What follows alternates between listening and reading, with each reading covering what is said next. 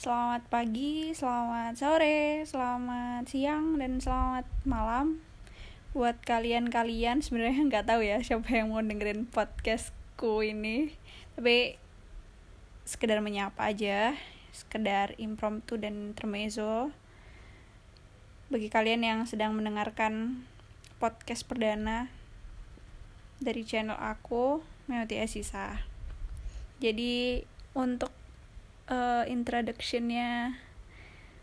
Sebenarnya aku mau bikin podcast itu tema utamanya itu sebenarnya what's inside my mind. Karena uh, aku adalah tipe orang yang nggak bisa untuk nggak ngobrolin tentang apa yang aku pikirkan dalam sehari itu jadi ketika tidak ada media untuk bisa menyalurkan media itu entah biasanya sih aku menyalurkan apa yang aku pikirkan itu satu subjek.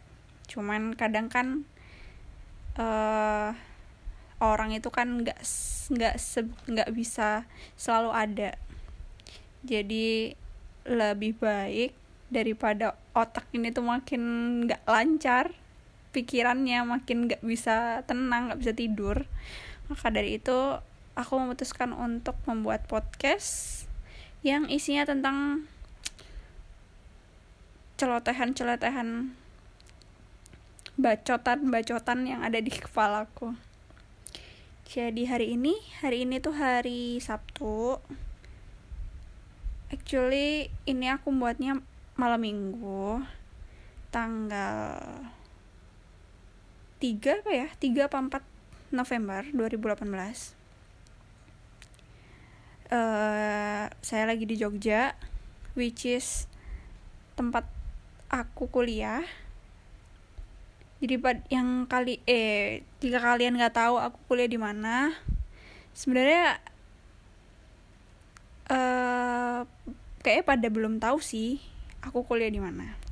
Jadi sebenarnya aku kuliahnya di UII UII itu Universitas Islam Indonesia which is swasta yang kebetulan satu arah dengan uh, kalau kalian mau ke Merapi. Kalau kalian mau ke rumahnya almarhum Mbah Marijan itu nanti kalian akan melewati di kiri jalan kampus kesayangan aku kampus perjuangan Cailah ya bener sih kampus perjuangan karena sebenarnya aku udah semester 7 yang lagi nganggur-nganggurnya. Kalau kalian tahu kan ketika kalian sudah menanjaki usia segini di umur segini terus kemudian kalian udah di semester akhir gitu yang kalian harusnya bergelut dengan skripsi tugas akhir ya. Tapi di lain yang sama kalian harus berhadapan dengan diri kalian sendiri which is kan ketika kalian sudah menjajaki semester akhir itu kan udah jarang mata kuliah. Kecuali kalau kalian banyak yang ulang ya. Kalau kalian udah nggak ada mata kuliah berarti kalian fokusnya cuma di skripsi. Nah skripsi itu tidak ada batasan pengerjaan. Kecuali kalau kalian bener-bener strict banget sama diri sendiri at least ngerjain satu semester lah karena skripsi itu emang normalnya satu semester 6 bulan ya. Tapi katanya dosen di fakultas aku uh, untuk mengerja pengerjaan skripsi di jurusan aku tuh bisa kurang lebih tiga bulan kita udah bisa selesai langsung sidang akhir. Gitu. Tapi tergantung kalian sendiri tergantung diri sendiri motivasi diri sendiri tergantung seberapa rumit pengerjaan skripsi. Sebenarnya skripsi tuh nggak rumit sih menurut aku karena aku sekarang lagi struggle untuk di bab satu yang kalau bab satu tuh kan harus bener-bener digodok banget biar mateng gitu kan latar belakang itu. Harus mateng banget uh, alasannya. Kenapa aku milih topik ini gitu. Jadi waktu nanti ketika sidang kan pasti ditanyain tuh kenapa kamu mau kamu memilih topik ini sebagai tugas akhir kamu? gitu ya ketika kamu bisa menjawab itu dengan baik dengan logika yang masuk ke mereka dengan rasional terus uh, make sense gitu ya itu pasti akan memper, mempermudah pertanyaan-pertanyaan berikutnya. Karena ketika kamu mantep di latar belakangnya untuk yang tra yang untuk yang selanjutnya seperti bab 2, bab 3, bab 4 sampai pembahasan pun nanti kamu pasti bakal ini bakal apa ya bakal dimudahkan gitu tapi ketika kamu tidak memiliki dasar yang kuat untuk um, pengisian latar belakang which is orang-orang itu kadang kan ada beberapa orang yang mengerjakan skripsi itu hanya untuk memenuhi uh, ke kewajibannya dia sebagai mahasiswa gitu. Sedangkan sebenarnya itu kalau menurut aku ya karena aku tuh concernnya itu di fintech yaitu finance teknologi. Dan emang aku dari awal itu emang kenapa aku memilih fintech? Karena biar aku bisa uh, lurus gitu. Dengan selur, selaras dengan apa keinginanku nanti setelah aku lulus kuliah ini kan aku rencananya pengennya langsung kerja di bagi ya pokoknya di di dunia perfintekan lah gitu entah perfintekan itu kan biasanya uh, ada sangkut pautnya biasanya sama startup startup gitu kan. Nah aku tuh sebenarnya pengennya di situ kerjanya di situ gitu. Nah makanya kenapa aku memilih topik fintech itu ya karena aku punya uh, apa ya namanya kayak courage untuk ya aku aku pengen pengen punya ilmu sekalian belajar terus nanti ketika nanti waktu selesai kuliah aku mah udah ada bekal gitu. Ketika nanti insya Allah lah doa doain aja ya teman-teman. Nanti aku bisa kerja di fin, perfintekan di dunia perfintekan atau di dunia startup yang sesuai dengan keinginanku. Jadi kayak seenggaknya aku ngerti gitu loh dasarannya gitu. Makanya aku tuh struggle struggle-nya itu nggak terlalu yang ngoyo banget gitu nggak ya cuman ngoyonya itu ngoyo ini do ini doang sih. Uh, ngeforsir males aja males apa enggaknya. Nah karena aku masih menjalani proses bab satu gitu kan ini aja aku masih males-malesan cuman aku sudah berusaha keras untuk sehari itu harus ada progres. Enggaknya progres itu kalaupun aku nggak ngisi satu bait gitu ya ay satu bait satu paragraf soalnya aku baca jurnal. Baca jurnal karena jurnal aku tuh kebanyakan 90 persennya ini kan dari luar kan. Jadi kan kalau untuk apa namanya pemahamannya kan harus lebih dua kali lebih dua kali gitu loh. Pengerja pengerjaannya pemahamannya itu harus lebih dua kali gitu. Sebenarnya nggak masalah sih kalau itu. Masalahnya itu adalah mau apa enggaknya baca. Karena sejujurnya baca itu untuk yang sekarang maksudnya untuk aku yang sekarang itu baca itu bener-bener susah apalagi jurnal. Aduh bener-bener ya pada tau lah kalian kalau misalkan sedang mengerjakan atau sudah sudah melalui proses ini tuh bener-bener males banget terus kemudian sebelum aku ngerjain bab satu ini kan kemarin aku pulang itu hari Senin ya. Hari Senin itu aku langsung um, apa namanya kejarin kejar waktu untuk ngerjain laporan magang. Biar aku bisa responsi awal November. Jadi waktu hari Senin itu aku langsung ke kampus ngurusin dokumen-dokumen. Terus selasa itu aku langsung ngerjain langsung tak kumpulin ke dosen pengaju eh, dosen pengajuan dosen pembimbing revisi terus langsung ngajuin lagi ke prodi. Alhamdulillah sudah terima karena rabu itu udah maksimal gitu. Maksimal nggak boleh ada yang bukan nggak boleh uh, maksimal kita bisa ikut responsi di awal November gitu. Jadi alhamdulillah kemarin itu bisa bisa apa namanya bisa kekejar untuk uh, responsi di awal November. Terus kemudian langsung ke hari Rabu apa hari Kamis itu ke perpustakaan nyari referensi lagi karena referensiku yang yang kemarin-kemarin itu masih belum kuat maksudnya belum belum bisa mendasari topikku gitu loh. Tapi sekarang godaan terbesar dari pengerjaan atau proses pengerjaan skripsi ini adalah nggak tahu kenapa akhir-akhir ini aku itu lagi pengen banget ngelihat uh, eh, TV series drama Korea atau TV series yang dari dari luar dari western. Pokoknya yang ber ber bau ber apa uh, yang bertemakan masak. Bukan masak makan. Kayak mukbang. Kalau di Korea kan mukbang ya. Nah terus ketemulah sama drama dari TVN TVN itu uh, salah satu TV swasta yang hanya ada di TV kabel di Korea. Dan jadi uh, stasiun TV ini menayangkan tentang drama Korea.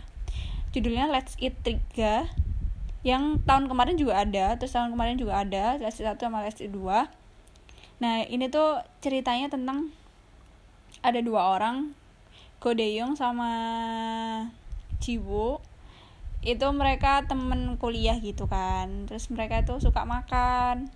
Terus sebenarnya tuh sederhana sih makanannya tuh makanan-makanan uh, apa ya makanan-makanan biasa pada pa, pada umumnya di Korea kayak misalnya uh, kimchi sujebi gitu atau kayak gitu jampong jamyeon terus habis gitu biasanya kimchi biasa terus kadang ada dagalbi gitu-gitu.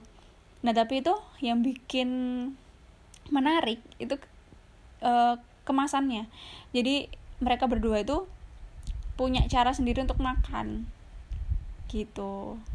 Dan ketika ngelihat mereka makan misalnya kalau makan kimchi itu ditambahin sama kim kikimbab eh kikimbab bimbab apa ya? Yang nasi goreng itu nasi goreng Korea itu. Itu tambahin di diaduk-aduk terus nanti ditambahin apa ditambahin apa. Jadi makin enak gitu kayak kayak cita rasanya tuh semakin banyak gitu. Nah yang bikin enak itu ya itu ngeliatin orang makan ya orang ngeliatin orang makan terus ngeliatin uh, gimana caranya mereka makan dengan apa namanya makanan yang biasanya kita jumpain gitu ya. Tapi cara makannya itu beda gitu. Dan sensasinya juga sensasinya juga beda gitu. Terus jadi sekarang langsung bertekad untuk pokoknya selama di Jogja nggak mau beli apa-apa kecuali makanan. Soalnya menurutku kemarin tuh kan aku sempat masak juga kan masak masak sogul. Kalian tau sogul apa? Sop dan gulai ayam. Uh mantap. Itu ayam kasih kecap uh, lada hitam.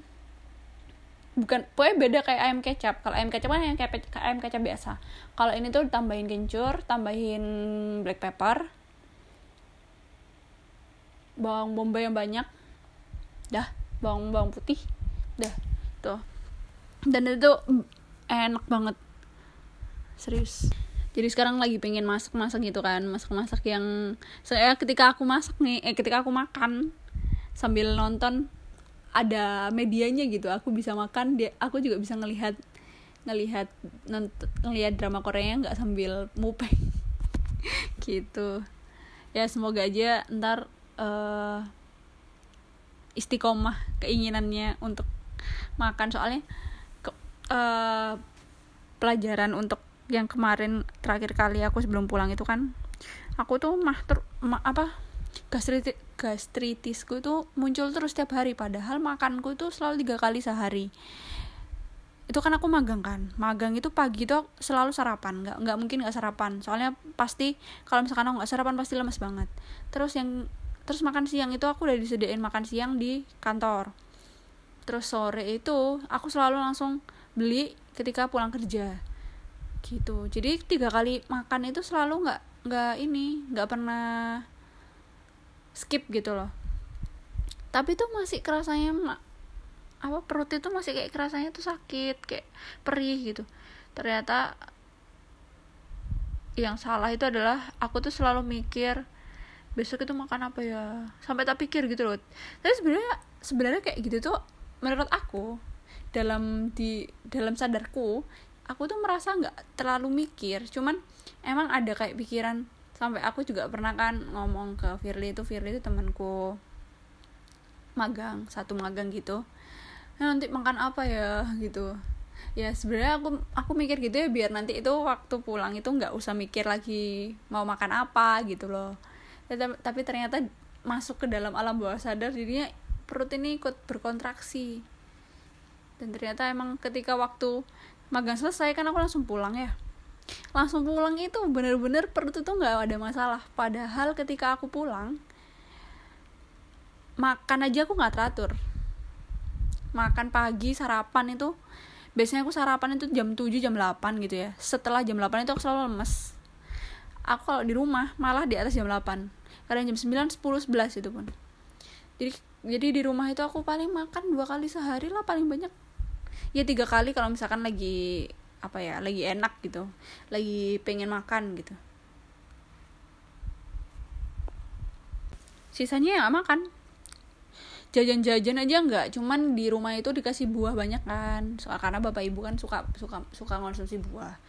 Jadi bikin kenyangnya tuh buah sama minum jus soalnya di sidoarjo.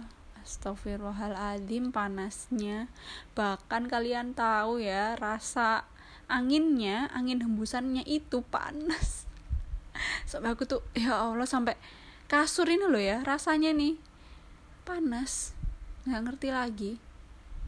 Tak pikir itu di Jogja itu udah panas. Soalnya kemarin waktu magang itu kan lagi panas-panasnya juga kan Dia bener-bener panas. Nah ternyata di Sidoarjo lebih panas lagi bro. Langsung ya Allah. Parah sih emang. Dan gak pernah hujan. Kalau Jogja kan kemarin sempat hujan dikit intik-intik gitu kan. Ini enggak malam aja masih panas bro. Nggak ngerti lagi. Ya terus sekarang ini harusnya nggak boleh kepikiran sih nggak boleh dibawa sampai berlarut-larut berhari-hari. Padahal setiap setiap kali inget gitu ya udah aku kayak ya udahlah nangis nangisin aja sekalian biar besok besok nggak nangis. Eh enggak tetap aja. Sehari udah dinangis nangisin besoknya masih nangis nangis lagi. Ya sebenarnya kayak lagi di tahap uh, merindukan seseorang.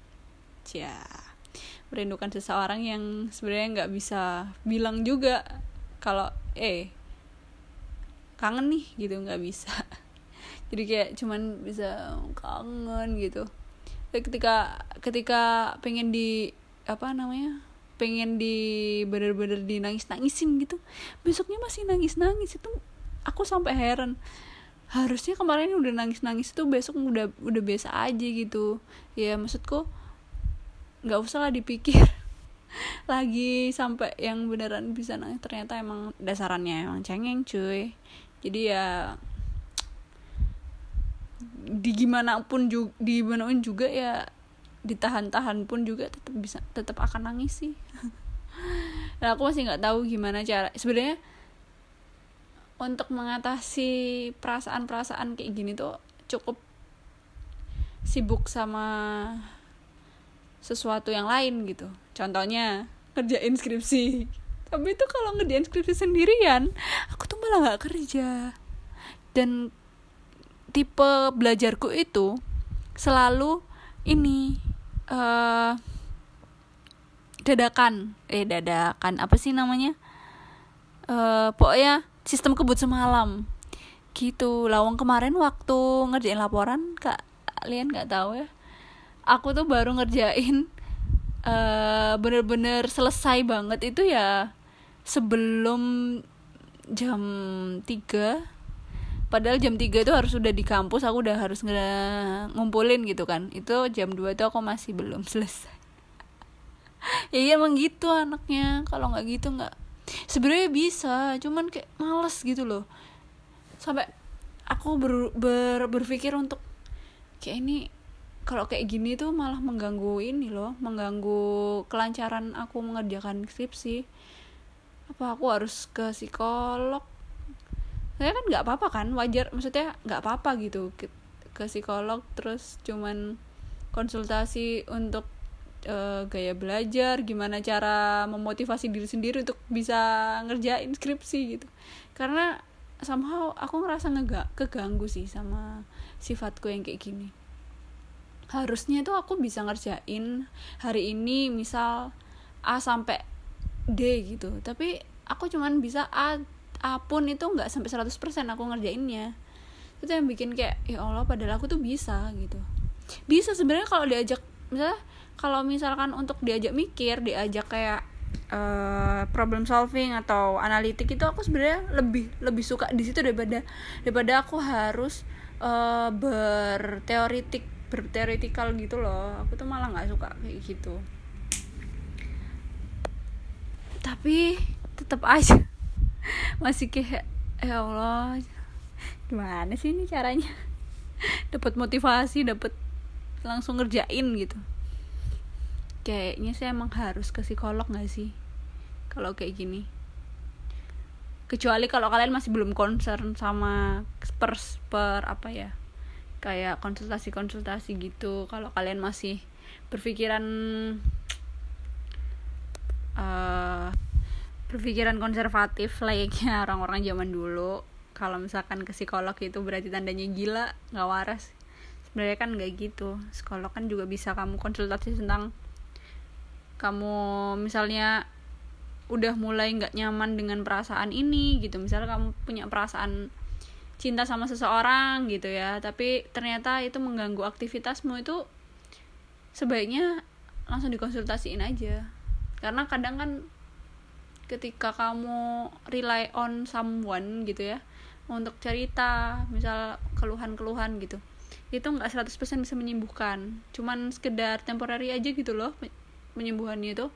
Cuman ya kamu melampiaskan uh, keluhan-keluhanmu di orang lain. Sedangkan orang lain yang kamu lampiaskan itu belum tentu dia bisa memposisikan apa yang kamu rasakan saat itu gitu kan. Gitu aja sih.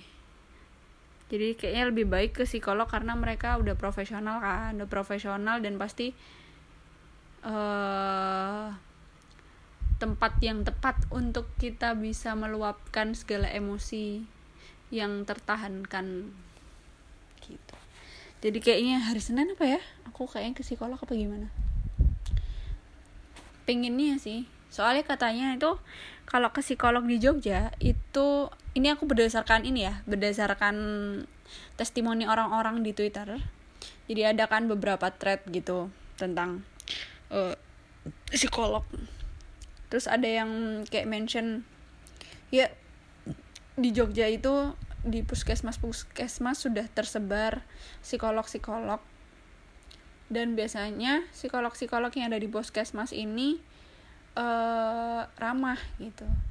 Gak yang judgmental kayak gitu. Karena mereka kebanyakan kayak dari ini UGM UI pokoknya yang kayak uh, universitas-universitas yang ada di Jogja itu mereka ada langsung buka buka langsung apa ya istilahnya kayak eh, bekerja ya di puskesmas pus, puskesmas gitu sih. Dan harganya sangat-sangat terjamin. Katanya kalau misalkan kamu punya BPJS malah nggak bayar. Sedangkan kalau kamu nggak punya BPJS kamu hanya hanya membayar 18.000 saja. Bayangin dong kamu ya konsultasi satu jam gitu misalkan ya uh, sesinya satu jam kamu cuma bayar 18 ribu uh, problemmu udah mulai selesai gitu kan. Biasanya kalau misalkan untuk konsultasi itu kan nggak bisa untuk sekali gitu. Kecuali kalau misalkan uh, masalahmu nggak terlalu besar gitu kan. 18 ribu sekali sesi besokannya lagi seminggu 18 ribu. Satu bulan nggak sampai 100 ribu kamu ini konsultasi. Beda kamu kalau misalkan konsultasi ke pihak apa sih namanya swasta ya istilahnya. Kayak apa namanya konsul di tempat-tempat klinik pribadi itu kan paling lebih mahal. Tapi ya kalau kayak gitu sih uh, juga nggak bisa di ini sih. Sebenarnya nggak bisa di nggak bisa dijamin uh, psikolognya itu bener-bener enak diajak ngobrol atau nggak judgmental gitu. Karena juga ada beberapa kasus yang ada di Twitter juga bilang iya saya udah bayar mahal-mahal. Eh dikasih al apa sarannya kamu tuh kurang bersyukur harusnya banyak ibadah gini gini gini atau malah disalah-salahin karena apa namanya terlalu berpikir yang negatif-negatif nah padahal kan seharusnya kita itu kita sebagai pasien gitu ya kita tuh malah mencari bantuan yang gak kayak orang lain gitu. Kalau orang lain kan bisa aja mereka ngejudge ya kamu tuh kurang belajar ya kamu tuh nggak belum belum ngelihat orang-orang lain yang di bawahmu gini gini gini. Ya semua orang kan juga bisa bisa ngomong kayak gitu gitu kan. Nah kita udah bayar mahal-mahal di psikolog eh ternyata dikasih outputnya yang kayak gitu dikasih inputnya kayak gitu kok output sih? Kasih inputnya sama kayak orang-orang lain. Kan maksudnya sama aja gitu kita yang rugi malah malah kepikir apa namanya? Malah ada beban tambahan. Dan semoga bagi kalian-kalian yang mau untuk uh, konsul dimudahkan jalannya terus dipertemukan dengan psikolog yang uh, sesuai dengan apa yang kalian butuhkan gitu ya nggak yang judgmental nggak yang omongannya nyelekit gitu. Semoga semuanya dipermudah gitu. Karena sebenarnya uh, kesehatan mental makin makin makin hari kan makin ini ya makin banyak yang uh, makin banyak yang makin banyak yang aware gitu loh. Kadang kan selama ini dianggapnya tabu dianggapnya gak wajar. Sebenarnya sama itu aku bersyukur hidup di apa era apa ini namanya milenial. Era disruptif ya. Yang kebanyakan sekarang penduduk dunia itu 34% ya. 34 sampai 40% itu adalah anak muda. Terus anak mudanya itu yang nggak apa ya uh, pikiran-pikirannya tidak terbatasi oleh eh, pikiran-pikiran zaman dulu yang sebenarnya harus dihapuskan gitu. Dan alhamdulillahnya sih semakin hari orang-orang anak muda juga semakin aware sama lingkungannya sama ke kesehatan mental sama apa pun lah yang menyangkut tentang kema kemanusiaan humanity gitu. Ini kayaknya cukup kali ya ngomong untuk podcast pertama. Dan maaf juga kalau temanya podcast yang sekarang ini tuh amburadul karena emang yang sebenarnya lagi tak pikirin itu ya itu sih hari ini. Nggak tahu besok pasti udah beda lagi besoknya lagi juga pasti beda lagi. Dan uh, insya Allah uh, aku bakal buat podcast lagi. Hmm, insya Allah sih aku bakal buat dua hari lagi atau tiga hari lagi insya Allah. Doakan aku ini ya istiqomah ya konsisten. Jadi segitu dulu aja podcast pertamanya. Maaf kalau suaranya sedikit annoying atau sangat annoying. Uh, me being me aja sih kalau kalian nggak bisa menerima ya udah nggak usah didengerin. Ini sebenarnya cuman sebagai media aku aja untuk menyalurkan apa yang ada di pikiranku aja biar nggak biar bisa biar, bisa tidur gitu. Biar bisa tidur nyenyak. Soalnya kemarin-kemarin juga dua harian ini tidurku nggak nyenyak. Karena nggak ngobrol. Nggak ngobrolin kayak gini nih. Sampai capek ya udah Sampai ketemu di podcast-podcast selanjutnya. Assalamualaikum.